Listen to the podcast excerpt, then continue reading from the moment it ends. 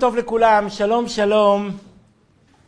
הרב אה, חיים זעיד הוא מזכה הרבים, יהודי שמוסר שיעורי תורה. שמעתי ממנו סיפור משעשע. פעם הוא חוצה את רחוב חזון איש בבני ברק, אמצע בני ברק.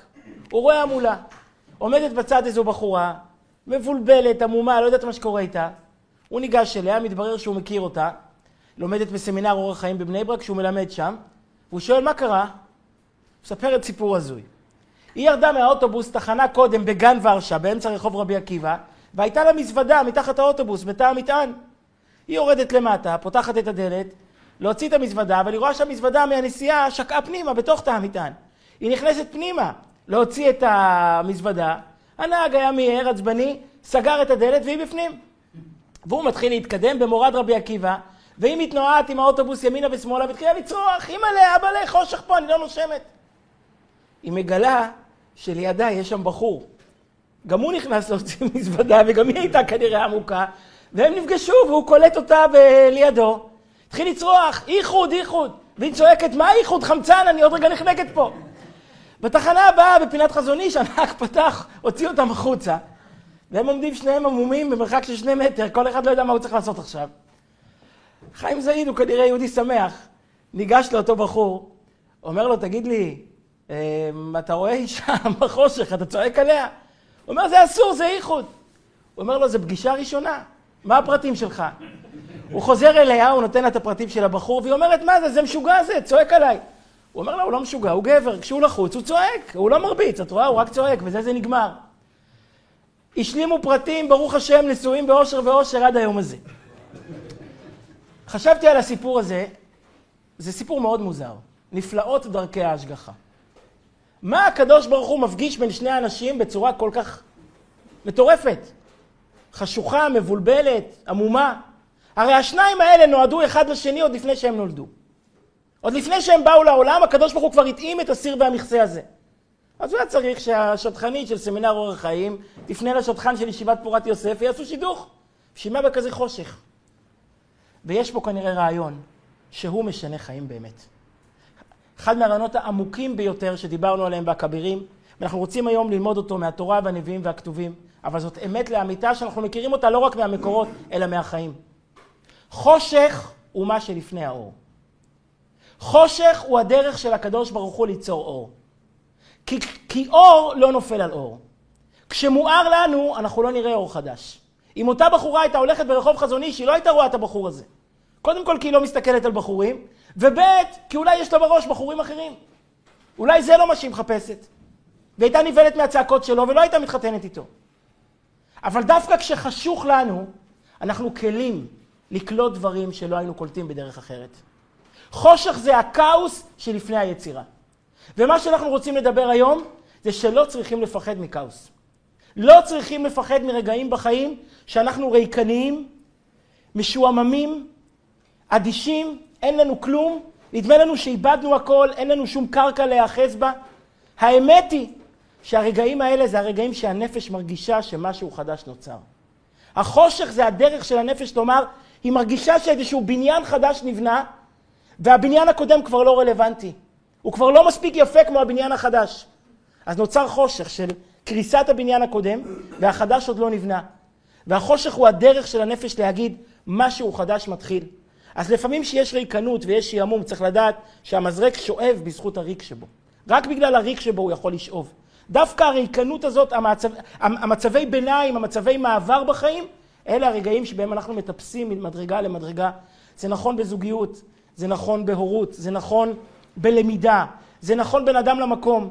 רגעים כאלה שאדם מרגיש, וואו, כלום לא מעניין אותי, כלום לא מדבר אליי.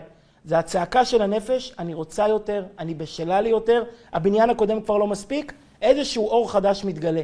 זה כל כך חשוב ודרמטי, כי דווקא ברגעים האלה אנחנו מאבדים את הכיוון, ואומרים, אוקיי, אז זה כבר לא מעניין, אז אני אעזוב ואילך. ההפך, חושך הוא לא סוף, חושך הוא התחלה. חושך הוא אמירה שיש אור מאוד גדול שמתחיל להתגלות, ולכן הנפש מואסת במה שהיה, והיא מחפשת משהו יותר עמוק ויותר גדול. באמת, אין הרבה דברים יותר עמוקים מהדבר שאנחנו רוצים לדבר עליו היום, ובאמת נבנה אותו כמו שצריך גם מבחינה מדעית. לשאול היום שתי שאלות. את שתי הצעקות של משה רבנו. פעם אחת בחיים משה רבנו התריס, ועשה את, זה, ועשה את זה כפול, עם שתי שאלות. משה רבנו אף פעם לא התריס, הוא המאמין הנצחי. מה שהוא לא עבר 40 שנה של עליות וירידות ואכזבות, וכל העם שלו הולך במדבר והוא עצמו נשאר בחוץ לארץ ולא מקבל את שכרו, הוא אף פעם לא בא בתלונות. הוא אף פעם לא אמר לקדוש ברוך הוא למה. ריבונו של עולם, חס ושלום, אתה לא בסדר. אף פעם הוא לא עשה את זה, פעם אחת. והוא צועק שתי צעקות שמהדהדות עד היום הזה. הצעקה הראשונה הוא שואל, למה הרי אותה? למה? תן לי סיבה אחת למה עם שלם סובל במצרים 86 שנים. השאלה השנייה שהוא שואל, לא רק שהעם הזה סובל, אלא החושך גם הולך ונהיה כבד יותר מיום ליום. במקום שהעונש, כדרכו של עולם, יפחת מיום ליום, ידעך מיום ליום, אצלך העונש עוד הולך להיות יותר קשה מיום ליום. החשיכה הופכת להיות עבה ושמיכה יותר מיום ליום. אלו שתי הצעקות של משה רבנו, ואנחנו ננסה להבין מה הקדוש ברוך הוא עונה לו. פרשת, אה, ספר שמות מתחיל ימים חדשים, ימים אחרים, ימים של גלות. פרשת שמות היא הפרשה הכי קשה בתורה, הכי קשה, אני מתכוון, לעיכול, הכי קשה בהרגשה, כי זאת פרשה שמהפסוק הראשון עד האחרון, צרות. אפילו אין מסיימים בטוב. דרכם של דרשנים שנותנים מוסר, נותנים תוכחה, לפחות הסיום, נו, אבל זה יעבור, והובא לציון גואל, ומשיח יבוא, ותשמע תקיעת השופר ונעלה לארץ. בפרשת שמות אפילו אין סיום טוב. להפך, הסיום הוא בצעקה של משה שנגמר לו. למה הריאות על העם הזה? זהו, אין לי יותר הסברים. ריבונו של עולם, אני לא מבין אותך. כל הפרשה זה הולך ויורד מדרגה לדרגה. עכשיו, ולמה זה כל כך כואב? למה משה רבנו צועק מה שאחרים לא צעקו? כי עד עכשיו היה בעולם סדר. היה חטא והיה עונש. ככה בנוי ספר בראשית. היה החטא ועונשו. לא היו הפתעות. אדם וחווה חטאו, גורשו מגן עדן. קין רצח, נד... הלך לנדוד בעולם. העולם כולו השחית את דרכו, בא המבול. סדום ועמורה חטאו ופשעו, הפכו אותם. כל הזמן חם התנהג בחוסר זה, קולל. כל אחי יוסף התנהגו כביכול בצורה לא טובה לאחיהם, זה חזר להם בפנים. ספר בראשית בנוי על גמול, מידה חטא ועונשו, מידה כנגד מידה. לכל מעשה יש מחיר. ואז אתה מגיע לספר שמות, ואתה מגלה עם שלם שסובל 86 שנים, חשיכה מוחלטת, התנתקות כביכול מהקדוש ברוך הוא ברמה שהם מרגישים שאין עם מי לדבר, שאף אחד לא מקשיב להם, ואין מילה אחת של הקדמה. למה? אין מילה אחת של חטא שמקדים את העונש הזה. ובא כל אדם ושואל, השופט כל הארץ לא יעשה משפט? ריבונו של עולם, אתה מעניש עם שלם, מתנתק מעם שלם, סתם, ככה, כי בא. איפה הצדק? איפה הגמול? איפה המשפט? משפט הצדק של שופט הצדק. איפה צידוק הדין? ספר שמות מציב אתגר עצום לאמונה שלנו, כי יש איסורים בלי עוון. יש איסורים בלי שקדם להם כלום. צריכים להבין, מתי נגזרה גזירת מצרים? בפרשת לך לך. 200 או 300, לא ניכנס עכשיו לכל המספרים, מאות שנים לפני שהדור הזה נולד בכלל. אברהם אבינו בברית בין הבתרים, ברגע הכי אינטימי, שנחרטת ברית נצח בינו ובין הקדוש ברוך הוא, תמיד נהיה ביחד. תחת החופה. הקדוש ברוך הוא אומר לו, דע לך, אנחנו לא הולכים לגן של שושנים. גר יהיה זרעך בארץ, אנחנו הולכים לחיים קשים. גר יהיה זרעך בארץ לא להם, ועבדום ועינו אותם 400 שנה. 200, 300 שנה לפני שהדור הזה נולד, הקדוש ברוך הוא כבר אומר, הדור הזה הולך לסבול. ואתה שואל, יש אדם שהולך לסבול עוד לפני שהוא נולד? הוא לא חטא, הוא לא קלקל, הוא לא עבר, הוא לא פשע? מראש אתה יודע שהוא נולד בחיים של סבל, וזה לא אדם אחד, זה עם שלם? למה? הזעקה של משה רבנו, למה הריאות על העם הזה היא זעקה עצומה, ואין שום הקדמה לזה. דיברנו פעם שהסבל במצרים הוא כל כך ממושך, הוא מורכב משלושה שלבים שהולכים... אוקיי, שנייה, אני מגיע לזה. אז השאלה הראשונה של משה רבנו, וישב משה אל השם ויאמר, זה הפסוקים שחותמים את פרשת שמות. ויאמר, השם, למה הריאות על העם הזה, למה זה שלחתני? השאלה השנייה של משה, לא רק שאתה מעניש כביכול בלי סיבה, העונש עוד הולך ונהיה מכביד וקשה מיום ליום, שזה אי צדק כפול כביכול, חלילה. בדרך כלל, בדרכו של עולם, עונש מתחיל מהכבד אל הקל. הוא מתחיל הכי קשה והולך ונהיה יותר קל. כשאדם נכנס לכלא, בהתחלה הוא יושב במחלקה הכי סגורה, הכי שמורה, הכי מסוכנת, ולאט לאט מפתחים בו אמון ומקילים את התנאים. גם המעניש. בהתחלה הוא הכי כועס, הוא הכי זועם, הכי חרון אף, ולאט לאט חולף הזמן, אנשים נרגעים, גם עשיו, אחרי עשרים שנה סלח ליעקב, במשך הזמן אנשים נרגעים, דרכו של עולם. וכך מבחינת הנענש. בהתחלה שומרים עליו ומכבידים עליו ומחמירים, חולפות השנים בכלא, הוא לאט לאט מתנקה מהחטא ומקילים עליו. איך זה עבד במצרים? בדיוק הפוך. הגלות הלכה מהקל אל הכבד. היא הלכה ונהייתה יותר קשה מיום ליום, מיום ליום, עד היום האחרון. בהתחלה בכלל היה טוב. הגיעו למצרים, הקדשנו לזה פעם שיעור שלם, גם בערב פסח האחרון, מאה שנים היו נהדרות. עד שאחרון השבטים מת, ויאחזו בה, ויפרו בה, ויחי יעקב בארץ מצרים. הפעם הראשונה שיעקב חי זה במצרים. דווקא בארץ ישראל הוא סבל. במצרים סוף סוף נחת, כל המשפחה סביבו, ברוך השם כולם חיים באחדות, יוסף משנה למלך, ויחי יעקב בארץ מצרים, דווקא שם הוא חי. וככה זה נמשך 94 שנים, עד שלוי מת, עד שאחרון השבטים מת. ואז מתחילה הגלות. אבל איך היא מתחילה? בפרך. איך אומרים חז"ל אותיות פרח? היא התחילה דווקא נחמד. בהתחלה פרעה בעצמו ירד איתם לעבוד, הם, הם, הם, הם, לבנות את הלבנים. וכתוב שהוא היה משלם להם בהתחלה, אז הם עבדו במרץ, כי הוא עבד להם, שילם להם לפי בלוקים. ואז אחרי שהוא ראה כמה כל אחד יכול לעבוד, הוא פתאום נעלם מהשטח. והודיע מחר זה יהיה בלי כסף. ותצטרכו את אותה מכסות בנייה לעשות. מה שעשיתם אתמול מחשק, תעשו היום מקורח. ואז הוא רואה שהשיעבוד לא עובד, הם לא נשברים, הם ממשיכים ללדת ילדים. הם ממשיכים להתרבות. אז הוא עובר חלילה לפתרון הסופי. כל הבן הילוד היאורה תשליכו, זה נהיה יותר קשה. עכשיו רצח. להרוג את, התינוקות בחדר הלידה. כשהמיילדות לא משתפות פעולה, הוא עולה עוד רמה. החיילים שלו, בצורה אקטיבית, פורצים לבתי היהודים ומשליכים את הילדים ליאור. וככה זה הולך ונעשה קשה ועם ישראל צועק, עד שמשה מגיע. ואז נעשה עוד יותר קשה. כשמשה רבנו מגיע לפרעה ומבקש שלח את עמי, מה פרעה אומר? אם אתם מדברים על גאולה, כנראה אתם לא עובדים מספיק קשה. כנראה נשאר לכם זמן פנוי. כשאנשים שבורים הם כבר מתייאשים מאפשרות של גאולה. אם לא התייאשתם, כנראה אתם עוד לא שבורים מספיק. ואז הוא מחמיר עוד יותר את התנאים. ומשה רבנו בעצם בעצמו הופך להיות סיבה לסבל, במקום לסיבה לגאולה. התורה מספרת שעד עכשיו לפחות הם היו מקבלים חומר מוכן לטיט. הם היו צריכים רק לערבל אותו ולהדביק את, את, את הלבנים. עכשיו גם זה לא. עכשיו חודש אייר, אומר פרעה, מתחיל הקיץ, אתם תצאו באותו סד זמן גם לצאת לשדה, ללקוט את התבן, להכין את החומר ולהשלים את מכסות הבנייה באותו זמן. תכבד העבודה על האנשים ועל אישור, זה תמיד השיטה של הדיקטטורים. אם מישהו מתלונן, נעשה יותר קשה. ונעשה יותר קשה. נשבור אותו לגמרי עד שאפילו לא תהיה לו אנרגיה להתלונן. הוא יאבד את האמון לשנ... בכוח שלו לשנות. וזה שובר את משה פעמיים. מילא הריאותה. אבל למה זה נהיה יותר קשה? למה אני הסיבה לסבל? וזאת השאלה השנייה שמסיימת את הפרשה. א', למה הריאותה? ב', למה סגנון, מתכונת, אופי השיעבוד הוא כזה שהסבל הולך ומתחזק במקום ללכת ולפחות. ומאז באתי אל פרעה לדבר בשמך, הרע לעם הזה, והצל לא הצלת את עמך. מה מונח פה? אגב, יש דבר שלא כתוב בתורה, אבל פעם דיברנו עליו באריכות בשיעור על המכות. משה לא רק צעק, משה ברח. משה מרד בשליחותו ונעלם ממצרים. התכסה לשלושה חודשים. אפשר לראות את זה ממש בתורה עצמה. איך אנחנו יודעים? המדרש מדייק את זה מתוך דברי התורה. יש לנו בעיה עם התיארוך של מכות מצרים, כי יש שלושה חודשים אבודים. שלושה חודשים שאתה לא מבין מה קרה בהם. אמרנו שמשה הגיע למצרים באייר, בזמן שיוצאים ללקוט אבן, ולכן העונש היה, לכו תלקטו תבן. יצאנו ממצרים בניסן.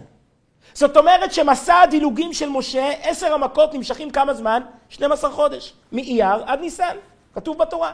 באנו באייר, יצאנו בניסן. באמת כתוב במשנה בעדויות, משפט הרשעים בגיהנום 12 חודש, משפט מצרים 12 חודש. מאיפה אני יודע שבגיהנום אנחנו אומרים קדיש מעט פחות מ-12 חודש, אבלות 12 חודש, זה הכל נלקח ממצרים. כי חס ושלום, אם, חס ושלום, אם היקר שלנו צריך לעבור איזשהו מסע זיכוך בגיהנום, ממצרים אנחנו יודעים שזה נמשך 12 חודש. עכשיו, כשאתה מסתכל על 12 חודש, אתה לא מבין איך החישוב. הרי היו עשר מכות. נגיד, כמו שיש כל מיני חישובים, שמכה לקחה חודש ימים. שלושה שבועות התראה ושבוע מכה. נו, אז זה עשרה חודשים. מה קרה עוד חודשיים? למה לא יצאו ממצרים חודשיים קודם, בשבט? מה קרה עוד חודשיים? אבל האמת היא שזה לא חודשיים מיותרים, זה שלושה חודשים מיותרים. כי המכות האחרונות, חושך ובכורות, היו מאוד סמוכות אחת לשנייה. חושך הייתה רק שלושה ימים ולא שבוע, כתוב בתורה, וגם לא הייתה התראה. אז חושך ובכורות, שניהם היו בניסן. אז יש לנו שלושה חודשים חסרים. שמונה מכות ועוד חודש, שמונה חודשים, ועוד חודש היו בו שתי מכות. אז למה היו צריכים שנה, אם למעשה בשביל המכות הספיקו תשעה חודשים? כתוב במדרש כי משה ברח, מרד בשליחותו. כשמשה שמע את הגזרה של פרעה ויצאו ויפגעו בני ישראל הנוגסים וצעקו בגללכם נהיה רע יותר. אתם הבאשתם את רכינו בעיני פרעה לא מספיק סבלנו באתם נהיה יותר רע. זה כבר היה יותר מדי בשביל משה. להיות סיבה לכאב להיות סיבה לסבל את זה הוא לא יכול לשאת. והוא נעלם לשלושה חודשים אומר המדרש. הקטע האחרון במובאה מספר אחד, שיר השירים רבה בטט, דומה דודי לצבי, כתוב בס... ב... בשיר השירים. מה הצבי נראה וחוזר ונכסה ונראה וחוזר ונכסה? דרכו של צבי, מי שמכיר אפילו, יכולים לראות את זה בגן חיות, הוא מוציא את הראש ונעלם, הוא מוציא את הראש, הוא כל כך מהיר שהוא מוציא את הראש ונעלם. ככה גם משיח זה דרכו.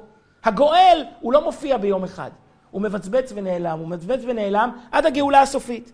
כך גואל הראשון נראה ונכסה וחוזר ונראה. וכמה נכסה רבי תנחומה אמר שלושה חודשים. עדה ותכתיב ויפגעו את משה ואהרון, יצאו השוטרים וצעקו, ירא השם וישפוט, אשר הבאשתם את ריחנו בעיני פרעה, לתת חרב בידם להורגנו. ומשה כאב את הצעקות, אבל כאב את הכאב, לא את הצעקות, ועזב. אז משה רבנו צועק שתי התרסות, שתי צעקות כלפי מעלה. פעם יחידה שהוא נשבר. איפה הצדק, ריבונו של עולם, שצדיקים סובלים? אתה בעצמך לא סיפרת על שום חטא שקדם ליציאת מצרים, לעונש מצרים.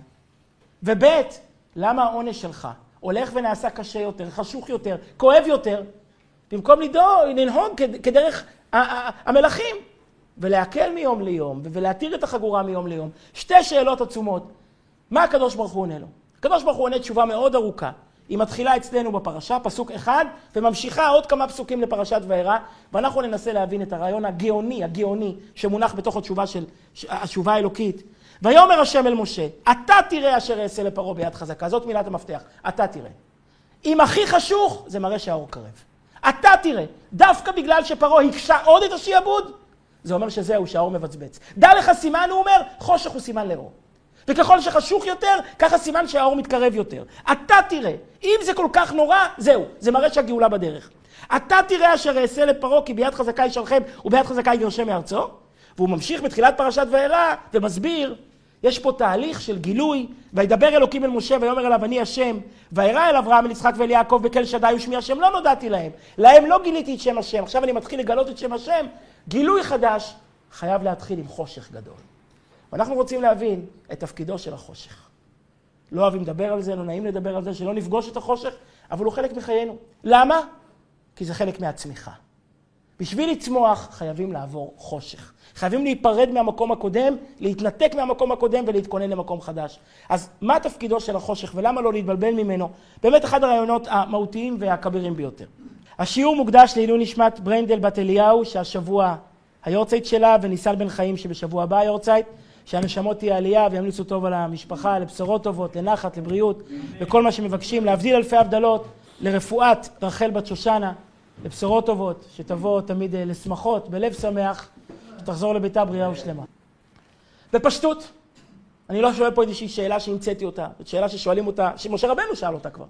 מה התשובה? בפשטות, התשובה ל, אה, לעונש מצרים היא שתי מילים, כור הברזל, כור היתוך. התורה אומרת את זה שלוש פעמים, התורה פעם אחת והנביאים פעמיים. שלוש פעמים מופיעים ביחס למצרים הביטוי כור הברזל.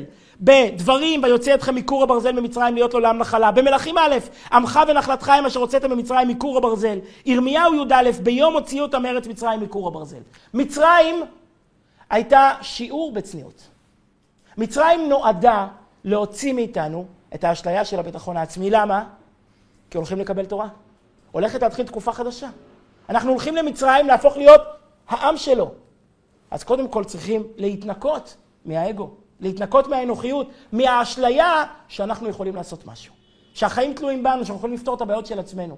קודם כל, הקדוש ברוך הוא צריך להוציא מאיתנו את הפסולת. כמו מה? כמו כור היתוך. מה זה כור היתוך? מי שיודע איך מכשירים זהב. מוציאים זהב מתוך האדמה, המתכת היקרה ביותר. מוציאים זהב מתוך האדמה, היא מלאה פסולת, היא מלאה סיגים. היא מלאה מתכת זולה, פשוטה, כל מיני סוגים של מתכות שמעורבים בה. הדרך להוציא את המתכת, להפריד את הזהב, היא מאוד מאוד כואבת. ממיסים את הזהב בחום רותח, באש רותחת, ממיסים אותו לנוזל, וככה אפשר לסנן ולמיין את הפסולת מתוך הזהב. אומרת התורה, מצרים נועדה להיות כור שתפריד את הפסולת מתוך הזהב, שתוציא מאיתנו את הפסולת, תוציא מאיתנו את החולשה. למה? באים אנשים, טוב להם, חיים, הכל רגוע. עכשיו אתה מבקש מהם לקבל תורה, למה שהם יקבלו תורה? הם צריכים לשנות את החיים מהקצה אל הקצה. כתוב בספרי חסידות שבעולם יש ארבע רמות, דומם, צומח, חי, מדבר. כתוב בחסידות שבעצם יהודי זה רמה חמישית. המרחק בין יהודי לאדם המדבר הרגיל, זה אותו מרחק כביכול בין המדבר לצומח. כי יהודי חושב אחרת. התרגלנו לנס הזה שנמצא פה בחדר, אבל זה לא נורמלי. המושג הזה שיהודי חושב מה רוצים ממני ולא מה אני רוצה. המושג הזה שיהודי מעדיף רוח על חומר, מעדיף שכר בעוד מאה שנה על פני הנאה היום, מעדיף להאמין בישות שהוא לא ראה ולשנות בשבילה את כל החיים שלו, להרגיש שליח של משהו שהוא לא ראה, ולוותר על כל כך הרבה הנאות ועינוגים בחיים, זה לא חשיבה נורמלית, זה חשיבה מפתיעה. בשביל שאדם יוכל להתרומם לרמה כזו, צריך להיות איזשהו כור היתוך. משהו שיפריד אותו מה, מהסיגים, מהפסולת, משהו שיגרום לו לגלות את האור. אז עם ישראל עובר במצרים 80 שנה של סבל, אבל כתוצאה מהסבל הם מתפרקים מכל מה שהיה בהם. ולמה הם חוזרים? לנקודות הבסוס. ל"ויצעקו אל השם". מתי עברנו את זה קצת? בקורונה. אם נזכור את החודשים הראשונים של הקורונה, איבדנו הכל. למה חזרנו? לקול הפנימי שבאמת מחזיק אותנו. חזרנו לאותה נקודה בסיסית שאי אפשר לפגוע בה. איבדנו את כל היוקרה החיצונית, את כל ההישגים, את כל המעמד. אף אחד לא היה צריך אותנו, פיטרו אותנו מהעבודה. אם לא פיטרו אותנו זה בגלל שגם כנראה לא נשאר מי שיפטר גם. לא היה, שום דבר לא היה. לא, לא, לא, לא, לא לבשנו נעליים, לא זכרנו איפה, איפה הנחנו את הנעליים. התפשטנו מהכל. עם מה נשארנו? רק עם הביטחון הזה שיש מי שמנהל את העולם, אז הוא ינהל גם את המשבר הזה. בסוף אתה נשאר רק עם זה. מי שהביא אותך עד פה, יביא אותך גם הלאה. גם מצרים הייתה מין מסננת כזו, כור היתוך כזה, שהוציא מעם ישראל את האשליה שהם מנהלים לעצמם את החיים. את אשליית הביטחון העצמי, ונתנה להם ביטחון אמיתי במי שאמר והיה העולם. פתאום הם הרימו את העיניים, פתאום מישהו גאל אותם, פתאום שיחק עם הטבע עם עשר מכות כאילו זה פלסטלינה. ושמי השם נודעתי להם. ופתאום הם ידעו שיש מישהו שמנהל את העולם. אז מצרים זה כור היתוך שמכין אנשים, מכשיר, זה מסע טירונות ליחידה מובחרת. זה, זה מסע שמבשיל אנשים, שמכשיר אנשים, להוציא אותם מהפינוק, מקטנות הדעת, למקום כזה שהם פתוחים לריבונו של עולם. זה ההסבר הפשוט שכתוב בתורה, ובוודאי שחייבים להתחיל איתו. למה מצרים? כדי להכשיר אנשים, להוציא את הזבל, להוציא את הפסולת, ולהכשיר אנשים להסתכל למעלה, להביט למעלה. תורה אור ע"ד אומר אדמו"ר הזקן, מצרים היא כור הברזל כמו מצרף לכסף וכור לזהב, שהכור הוא המפריד השיגים, שלא תהיה תערובת פסולת בכסף וזהב. כך מצרים הוא כור הברזל שזיכך את ישראל על ידי כושר שיעבוד בחומר ובלבנים, להיות נפרד הרע מן הטוב והתפרדו כל פעלי אבן. אנחנו ניגשים להתחיל את הרעיון הכביר שלנו, אני רק אסיים את זה. קראתי פעם סיפור יפה, אינני יודע אם הוא היה, אם הוא לא היה, אני לא אחראי, אבל הסיפור הוא יפה. האבן עזרא היה אדם אה, מאוד מסכן בגשמיות. רבי אברהם אבן עזרא ברוחניות, הוא היה אבן עזרא, כמובן ממפרשי התורה, מחכמים הדגולים שהיו לנו, אבל בגשמיות הוא היה אדם מאוד מסכן, לא הצליח לו כלום. איפה שהוא נגע לא צמח. מי שיסתכל בהקדמה לאבן עזרא לתורה, הוא כותב על עצמו שיר בחרוזים על השלמזליות שלו, על הביש מזל. הוא אומר, אם אני אתחיל למכור תכריכים, אנשים לא ימותו.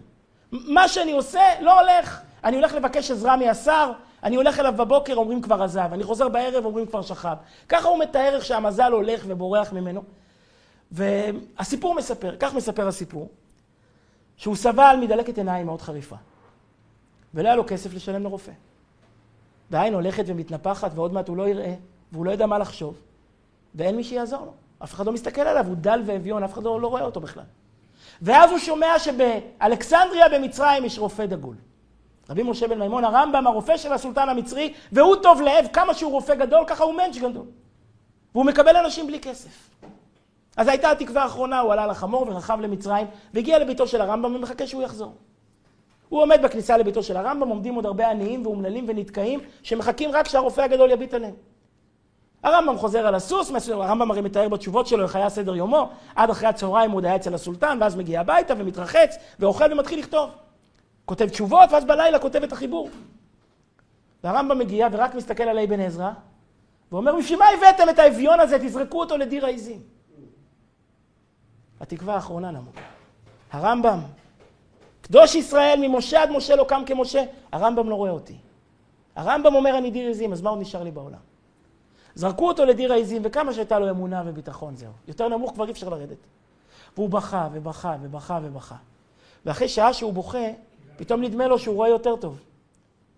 התברר שמהמלכים של הדמעות הם המיסו את המוגלה והם פתחו לו את העין.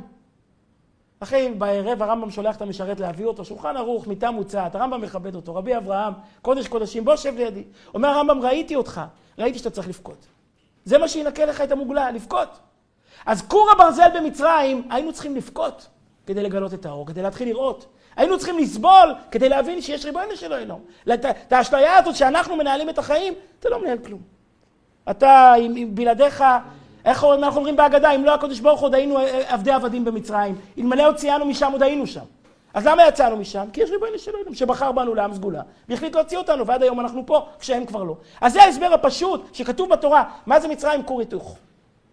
לברור את הפסולת מתוך הזהב ואת הזהב מתוך הפסולת. זה ההסבר הפשוט שאיתו צריכים להתחיל. אבל כמובן זה לא מספיק, למה? א', כי עוד לא הבנו, אז למה החושך הולך ונהיה יותר, יותר קשה? ויש עוד שתי שאלות שאני אזכיר בחצי, בחצי מילה. ברית בין הבתרים זה הזמן לנבא גלות? ברית בין הבתרים זה הזמן להבטיח סבל? אברהם, הקדוש ברוך הוא עומד עם אברהם אבינו ברגע הכי קרוב, תחת החופה, בחדר איחוד. ברית בין הבתרים, כורתים ברית דמים, מוותרים את בעלי החיים לשניים. לומר, אנחנו תמיד נהיה ביחד, עם כל הגלויות והגלגולים, תמיד נהיה ביחד. עכשיו, ברגע הגדול הזה, בסעודת החתונה, אתה מספר לו שאנחנו הולכים לסבול 400 שנה? את זה, את הסוד הזה תגלה עוד שבועיים. את כל הסודות מגלים אחרי החתונה, אבל לא באותו לילה.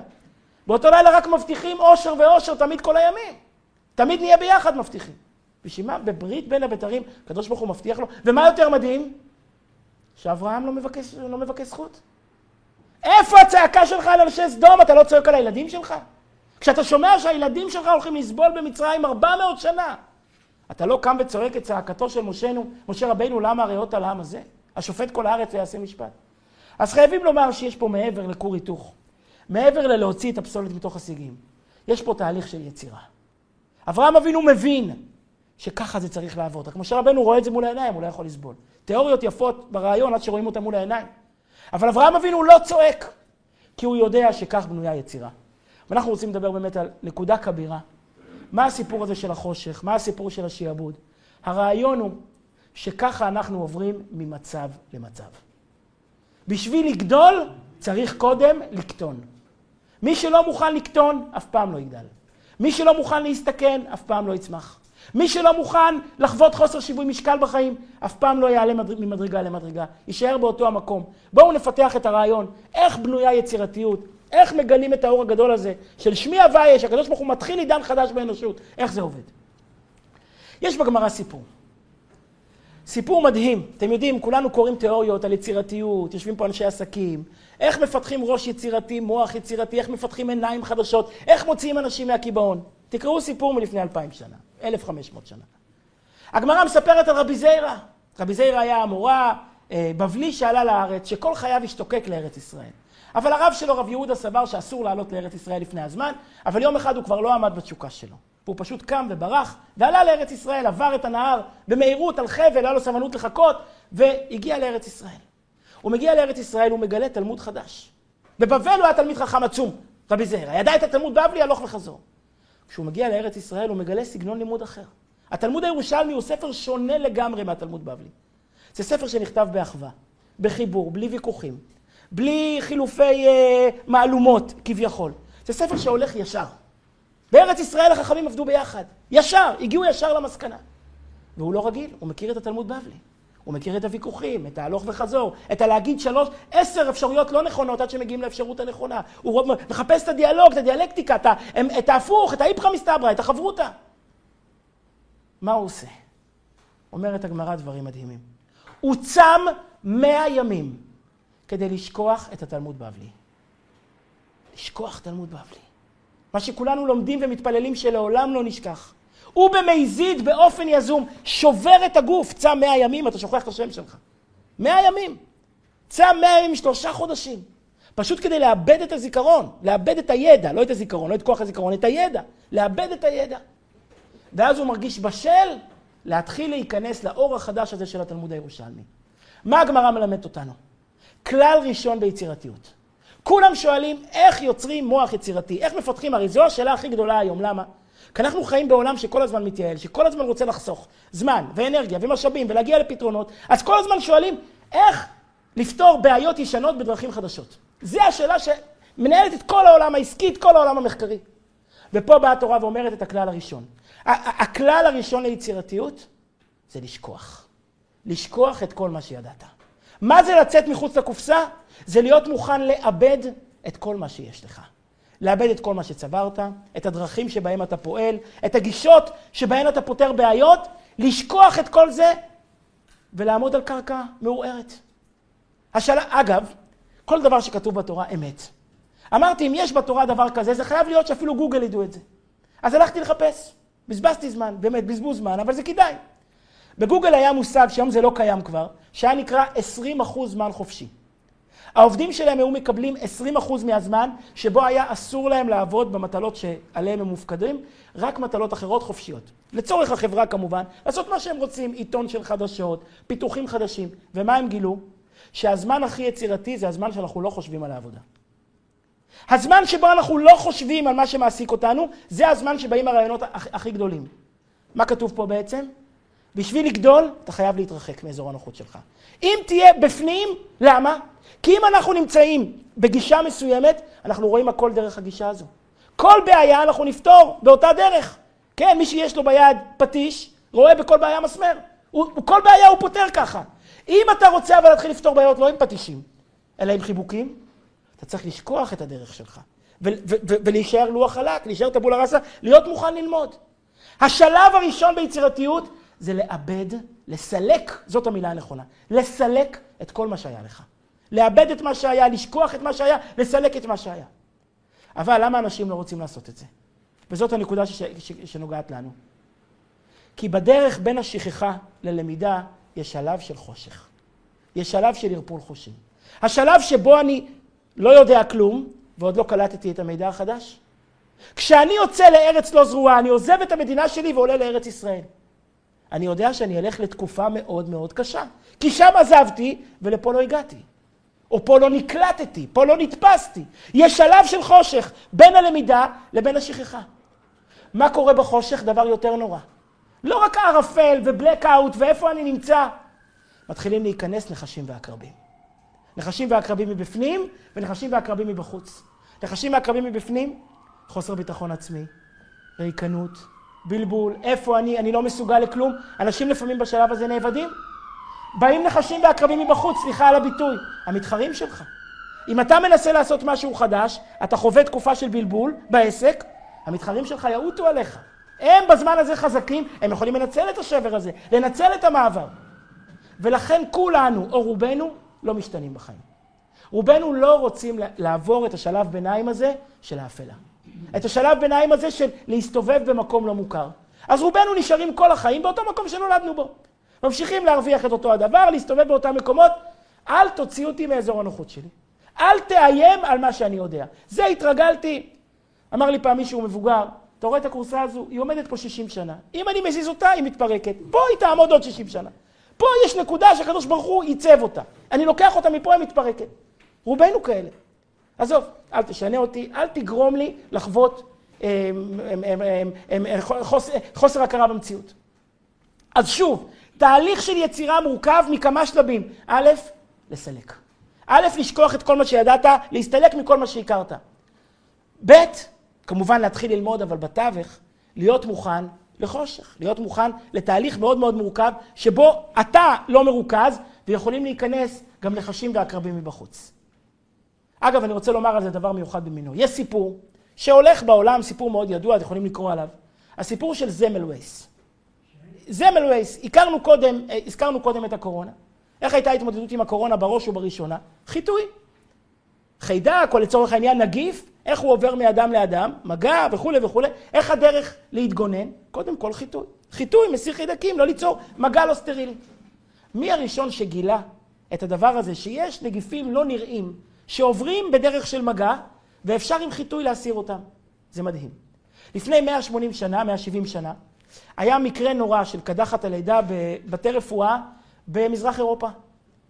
זה היה בעיקר בחדרי יולדות, והיה שם, לא עלינו, שליש, תמותה של שליש מהיולדות. מגפה נוראה בחדרי יולדות. נשים פחדו לבוא ללדת, לא היו יוצאות משם חיים. והרופאים שברו את הראש, מה יש פה? היה שם יהודי, קראו לו זמלווייס, יהודי אוסטרו-הונגרי, שהחליט להשקיע את החיים במחקר לגלות מה העניין. והוא ניסה עוד אפשרות ועוד אפשרות ועוד אפשרות, עד שהוא הגיע למסקנה שמישהו מדביק את הנשים האלה באיזשהו חיידק. וזה גורם את הזיהום, זה גורם את ההלך דם. והוא גילה שיש סטודנטים לרפואה שקודם מטפלים, שם מרחם בגופות, ואחרי זה הולכים לטפל בנשים האלה, והם לא שוטפים את הידיים, כי לא ידעו אז מה המושג של שטיפת ידיים, של חיטוי. והוא הכריח, חייב את הסטודנטים שעובדים אצלו במחלקה לחטא את הידיים בכניסה. והתמותה ירדה לאפס. וזה קרה רק אצלו. כי שום רופא באירופה לא היה מוכן לקבל את השיטה שלו. תפסיק לבלבל במוח, אתה מדבר על דמיונות, דברים שלא קיימים ולא נראים, תפסיק. הוא הוציא ספר עם התיאוריה שלו, עם המחקרים, אשפזו אותו, וכולם לעגו לו, אשפזו אותו בבית רפואה לפגועי נפש, ושם הוא השתולל, והוא חטף מכות ומת מהמכות, שם בבית הרפואה לפגועי נפש. שיטה שהיום אין ילד שלא מאמין לה. אבל למה? אתה קורא את הסיפור ואתה אומר, בואנה, התמותה אצלו במחלקה ירדה לאפס, על מה אתם מתווכחים? כשיש לי אור בחיים, אני לא רואה אור חדש. כשאני פועל בשיטה מסוימת, כשהראש שלי חושב בשיטה מסוימת, אני לא יכול לקלוט דברים חדשים. שהם יהיו משוכנעים מהיום ועד מחר. בשביל לראות אור חדש, אני חייב לשכוח כל מה שידעתי. ולחזור למצב של חושך, לחזור למצב של blackout, למצב שאני מתפרמט, מפורמט כמו ילד צעיר. ודווקא מתוך החושך נוצר צמאון להכיר, ומתוך החושך נוצר צמאון לדעתות, זה הזעקה של הנפש. מי אמר את זה? זה פסוק בדניאל.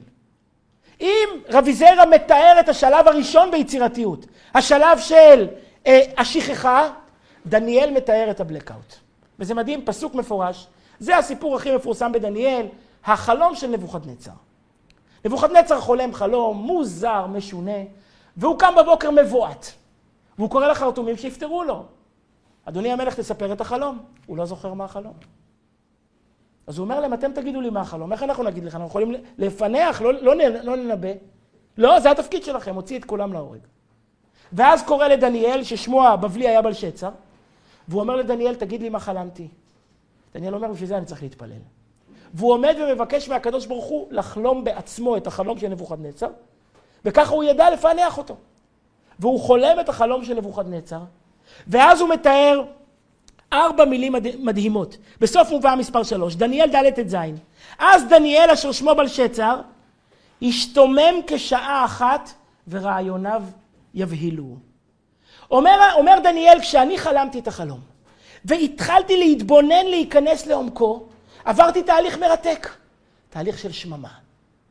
כשהתחיל להאיר האור החדש, איזשהו רעיון מה אומר החלום הזה, התפרקה לי בעצם כל התפיסה הקודמת, כל מה שישבתי עליו, ויותר מנצנץ האור ויותר מתפרקת התפיסה הקודמת, ואז אני חווה שממה.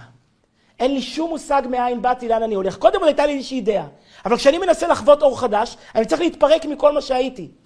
ואיך הוא אומר? השתומם כשעה אחת ורעיוניו יבילו. זה שני הדברים שדיברנו. חושך ועקרבים. הוא אומר, אני חווה שממה, אני לא יודע כלום. אגב, כל אחד מכיר את זה, אני לפחות מכיר את זה. כשאתה מנסה להבין משהו, מרש"י, שאתה לא מבין, מאור החיים שאתה לא מבין, עד להבדיל אלפי הבדלות, איזשהו תרגיל במתמטיקה שאתה לא מבין. אתה שובר את הראש לנסות להבין משהו, ואתה יושב ויושב ויושב, ופתאום, אה, יש לך כיוון. ברגע הזה אתה גם חווה בלקאוט מוחלט. אתם מכירים את זה? ערפל שאתה לא מבין כלום, אתה לא יכול לקלוט מידע יותר. הראש שלך נסתם. מה זה החושך הזה? החושך הזה זה הרגשה של הנפש שאור חדש מתחיל. אז היא מפרקת את כל מה שהיה, היא, היא, היא שומטת את כל מה שהיה כדי לעשות מקום לאור החדש, אבל בינתיים יש שממה. כי האור הקודם מתפרק, האור החדש עוד לא נקלט, בינתיים יש שממה, ומה קורה? ורעיונותיו יבילו. ולתוך השממה הזו נכנסים העקרבים. נכנס החוסר ביטחון עצמי, הבלבול, אני כבר אף פעם לא אבין, אמא אני במבחן הזה הולכת להיכשל. ואז את קמה, והיא קמה בבוקר, ופתאום הראש בריא והכל מובן.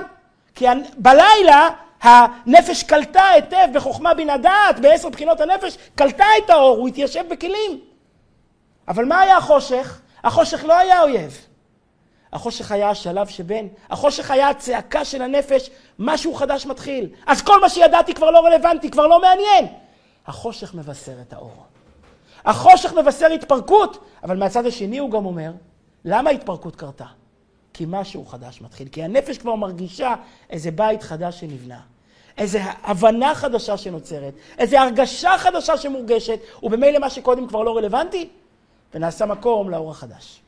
עכשיו אנחנו כבר יכולים להבין מה עונה הקדוש ברוך הוא למשה, הוא אומר לו דבר מאוד פשוט. זה לא פשוט, אבל זה דבר שאנחנו מכירים אותו. הקדוש ברוך הוא אומר למשה, אתה צועק למה הם סובלים. למה יש כזה חושך בעולם? זה פשוט.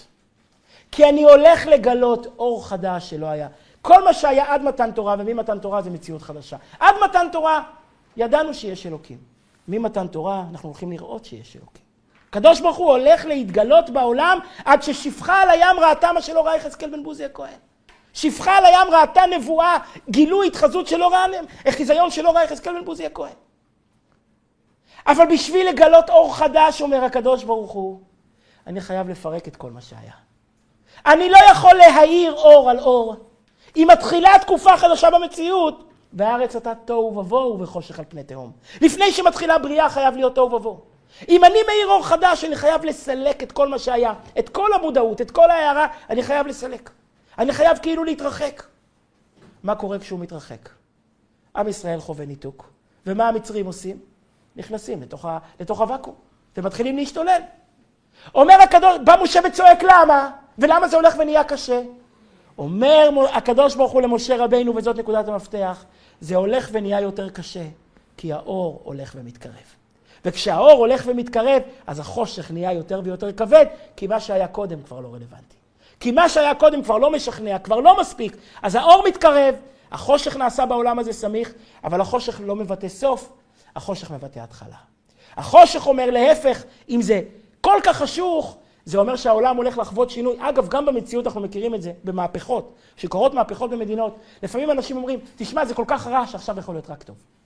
זה כבר כל כך רע שלא יכול להיות יותר רע. זה כבר הגיע לנקודה כזו שבה העולם צועק שינוי. זה מה שאומר הקדוש ברוך הוא למשה. אם זה כל כך רע, עכשיו יבוא הטוב. אם זה כל כך רע, זה אומר שהעולם מרגיש שמשהו חדש מתקרב, ולכן הוא מתפרק מכל מה שהיה קודם, ואנחנו לכאורה נותרים בוואקום.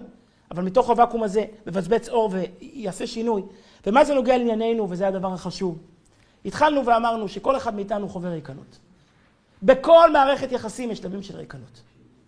שלבים של שעמום, שלבים של תחושה שהכל נגמר, שזה לא מעניין. אני גם כן, לפעמים אני מסתכל על שיעור משנה שעברה, אני אומר, מה אני אדבר השנה? לא מעניין אותי, לא מעניין אותי, לא מעניין אותי. עד שהתחלתי להבין שכשהנפש צועקת לא מעניינת אותי, מה הנפש אומרת? אני רוצה משהו חדש. אני רוצה משהו שעוד לא הכרתי. הריקנות, החושך, זה הדרך של הנפש להרגיש, אני מסוגל ליותר. ולכן מה שהיה שנה שעברה מאוד מעניין, והשנה זה כבר לא רלוונטי. גדלנו בשנה. איך הרבי פעם אמר על בגדי הכהן הגדול, שהכהן הגדול כל שנה היה מחליף בגדים. בבגדי הלבן שלו, בגדי הזהב היו אותם בגדים כמובן, בגדי הכהן הגדול, אבל בגדי הלבן ביום הכיפורים, כל שנה הוא היה צריך בגדים חדשים, ואצל שנה שעברה היו צריכים לגנוז. והרב ישאל, איזה הנהגה זאת? כמה זמן הוא לבש אותם? שעה, אני אקח את כל העבודות של יום הכיפורים, שמיוחדות היום הגדול, שהוא עושה עם בגדי לבן, כמה הם לקחו? אולי דקות ספורות, אולי כמה עשרות דקות ספורות, לא יותר. אפילו מלך לא זורק בגדים אחרי פעם אחת. מה, מה פתאום לזרוק? בל תשחית, בגד, אפילו בגדים של מת לא זורקים, תורמים. נעליים לא משתמשים. אבל בגדים למה לזרוק? מה פתאום אחרי פעם אחת לזרוק בגדים שהשתמשת בהם? והרבי אמר כזה רעיון, לומר לכהן הגדול, גדלת בשנה, הבגדים של שנה שעברה לא מספיקים. אתה לא יכול לבוא עם החליפה, עם הז'קט של יום כיפור של שנה שעברה, אתה כבר גדלת בשנה. לענייננו נאמר, הנפש שלך רוצה יותר. הנפש שלך מבקשת יותר. רמת היחס שהייתה לנו עד היום כבר לא מספקת אותנו. למה? לא כי זה נגמר, כי משהו חדש מתחיל. כי אנחנו בדרך לרמה יותר גבוהה, לרמה יותר עמוקה, לרמה יותר פנימית של חיבור. אז החושך הוא החושך שלפני האור. נקרא את מה ש... על כל פנים, לא אמרתי מי המקור של כל הרעיון היפה הזה, הכביר הזה. היה חסיד שחסידים הוגים את שמו בהערצה, כמעט אה, נוטלים ידיים לפני שאומרים את שמו, רבי הלל מפריץ'. רבי הלל מפריץ' היה אברך שבגיל 12 כבר קראו לו העילוי מחומץ, מאותה עיירה שהוא הגיע. בגיל 13 בבר מצווה הוא כבר uh, ידע את כל התורה, ש"ס, פוסקים, נגלה, נסתר, היה מתפלל עם כוונות האריזל. בתורה שלו אנחנו לא מבינים הרבה, אבל בניגונים שלו, אפילו פשוטים כמונו יכולים להבין. יש לו ניגונים. מכמה שניגוני חב"ד עמוקים ומפולפלים ומורכבים, הניגונים שלו זה השיא. העושר של הדעה, והעומק של הרגש, וה... שגב של הצמאון, מש, הניגונים של רבי אילן מפריץ' זה ניגונים שהם, תכתבו ביוטיוב, ניגון לרבי אילן מפריץ', יש כל מיני ביצועים. זה דברים שהנפש יוצאת, הנפש נשפכת מרוחב הלב וגודל הדעה שהייתה לו. ויש לו גם עשרה ספרים. ויש לו מאמר שהוא כתב על אה, ימי בין המצרים, ושם הוא כותב את הרעיון הזה. שמה שעונה הקדוש ברוך הוא למשה, שהחושך הוא הדרך של העולם להרגיש שמשהו חדש מתחיל. הוא הדרך של העולם לצעוק שהתפרקו המסגרות ומשהו, ואנחנו בשלים למשהו יותר חדש, יותר גדול ויותר אמיתי. אני אקרא את זה, אבל לפני זה אני רוצה לומר נקודה ששכחתי, נקודה מדהימה ומיוחדת. הרבי אמר, רבי הלל היה לפני 200 שנה, הוא חסיד של בעל התניא, ואחר כך של הרבי האמצעי, ואחר כך הרבי הצמח צדק. הרבי בדורנו אמר נקודה מאוד מיוחדת. הוא אמר שהעיון, השלב הזה של ההתפרקות, של החשיכה, קיים בכל רבדי הבריאה. כל תהליך צמיחה חייב לעבור שלב של עיון. כל חיבור, כל זיווג, כל אה, מיזוג חייב לעבור תהליך באמצע שלב שהכל נגמר. שנדמה לך שהיה ולא יהיה עוד.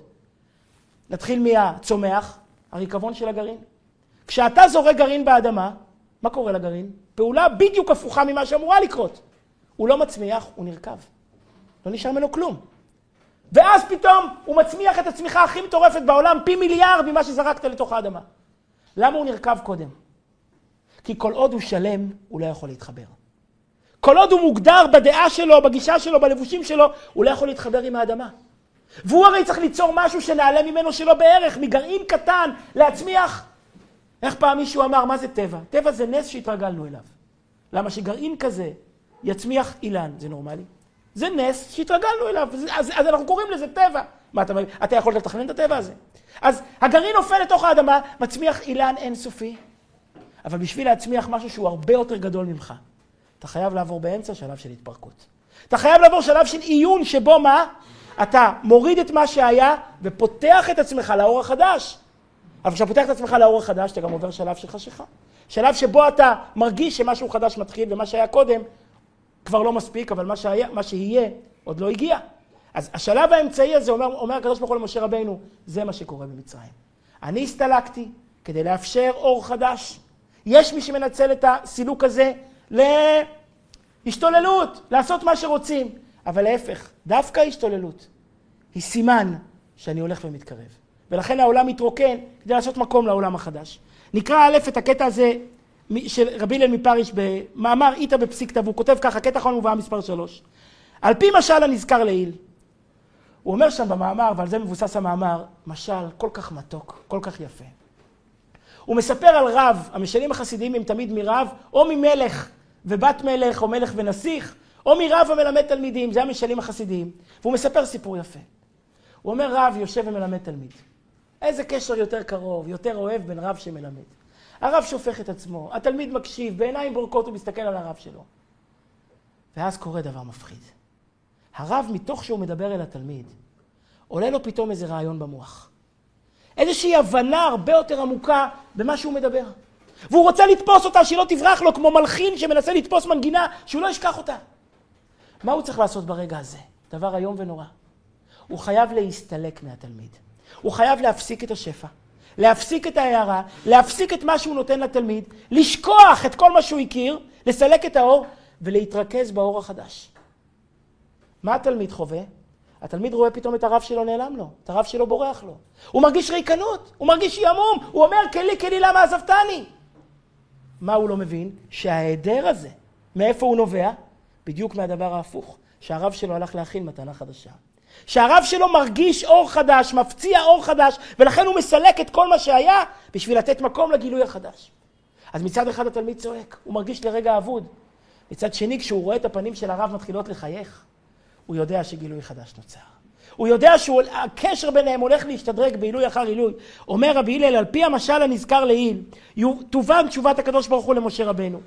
אומר לו הקדוש ברוך הוא, אתה תראה. להפך, החושך זה הסימן שהאור מתקרב. החושך זה הצעקה של העולם שמרגיש שמשהו חדש מתחיל ומה שהיה קודם כבר לא רלוונטי. אז העולם מואס בדוגמות. אגב, כמה זה נכון להיום?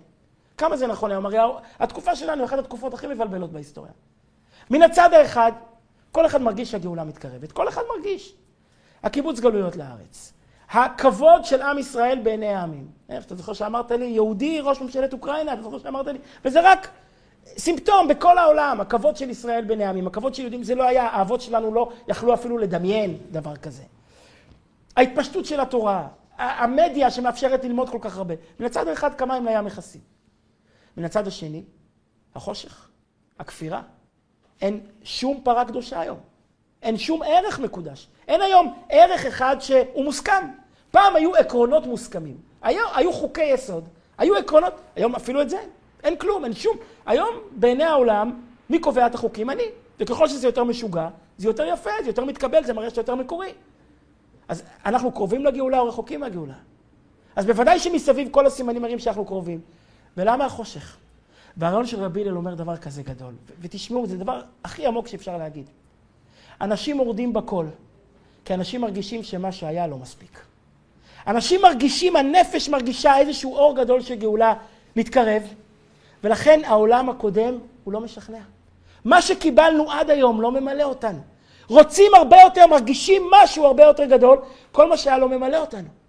ובתווך, בבלבול הזה, בין מה שזרקנו למה שעוד לא למדנו, נוצר המון בלבול.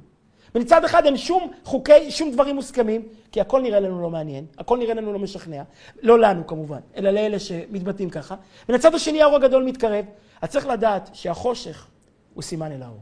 אם כל כך רע, אז זה מראה שהטוב כבר מתקרב. גם החושך עצמו, לא רק האור הוא סימן אל האור, אלא גם החושך הוא סימן אל האור. החושך הוא סימן שיש כבר, הצירים הם סימן שהגוף מכין את עצמו ללידה. הם סימן שהגוף כבר מוכן, בשל, למשהו חדש שהולך לקרות. הוא אומר, על פי זה תובן תשובת הקדוש ברוך הוא למשה רבנו. אומר לו הקדוש ברוך הוא, אתה תראה. להפך, דווקא בגלל שכל כך חשוך, זה מראה שהעולם בשל.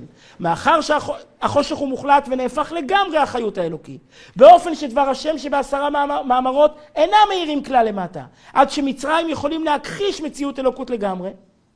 הנה, אדרבה, זה לך האות. שנתגלו המוחין החדשים בעשרת הדיברות למעלה, עד שיוקלטו בדעת האצילות ובשבע מידות, ועתה יתגלו למטה בבריאה יצירה עשייה באופן שכל הקליפות יאבדו ויתבטלו, וביד חזקה יש לכם. רציתי לסיים בדבר חביב. יש משל של רבי נחמן מברסלב. הצדיק, רב נחמן, רב נחמן כתב את המשל הזה בעצמו בסיפורי מעשיות. זה משל שהוא כתב אותו בעצמו, הוא גם כתוב בשפתו. והוא מספר סיפור שכולנו מכירים. ובואו נפסיק לקרוא את הסיפור כמו ילדים, ונבין איזה עומק מלמד אותנו רב נחמן. המשל הוא על השני קבצנים, יהודי וגרמני, יהודי וגרמני, שמסתובבים בעולם יחד ואוספים נדבות. פעם אומר היהודי לגוי, לגרמני, הלילה הסעודה הכי גדולה של היהודים. הלילה ליל הסדר. הלילה אוכלים את מה שלא אוכלים כל השנה, בכלים שלא מוציאים כל השנה. אנחנו נתפוס הלילה באחרי ערבית, נתפוס מקום על יד הגביר של העיירה, ונלך איתו ביחד לאכול ליל הסדר. הגוי שומע את זה, כל היום מתכונן, לא אוכל מהבוקר, שהבטן, כמו שאמרנו, צריך ליצור ואקום בשביל שיהיה מקום להכניס את האור, שהבטן תוכל להכיל את האור.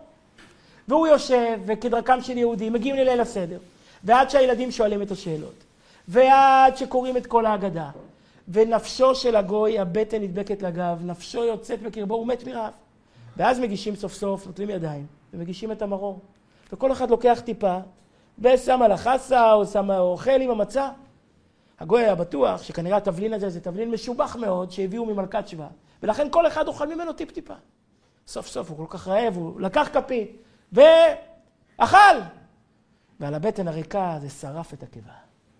והוא קם וזרק את הכיסא ויצא החוצה, יהודים רמאים, בני רמאים, ידעתי שאסור לה, אסור להאמין לך. בחרת בבוקר הוא פוגש את היהודי בבית התמחוי. והוא, מה רימית אותי, גנבת אותי. אומר היהודי טיפש, דע לך תמיד שאחרי המרור מגיע השולחן עורך. אחרי המרור מגיע האוכל. מה הפשט בזה? זה נשמע בדיחה יפה.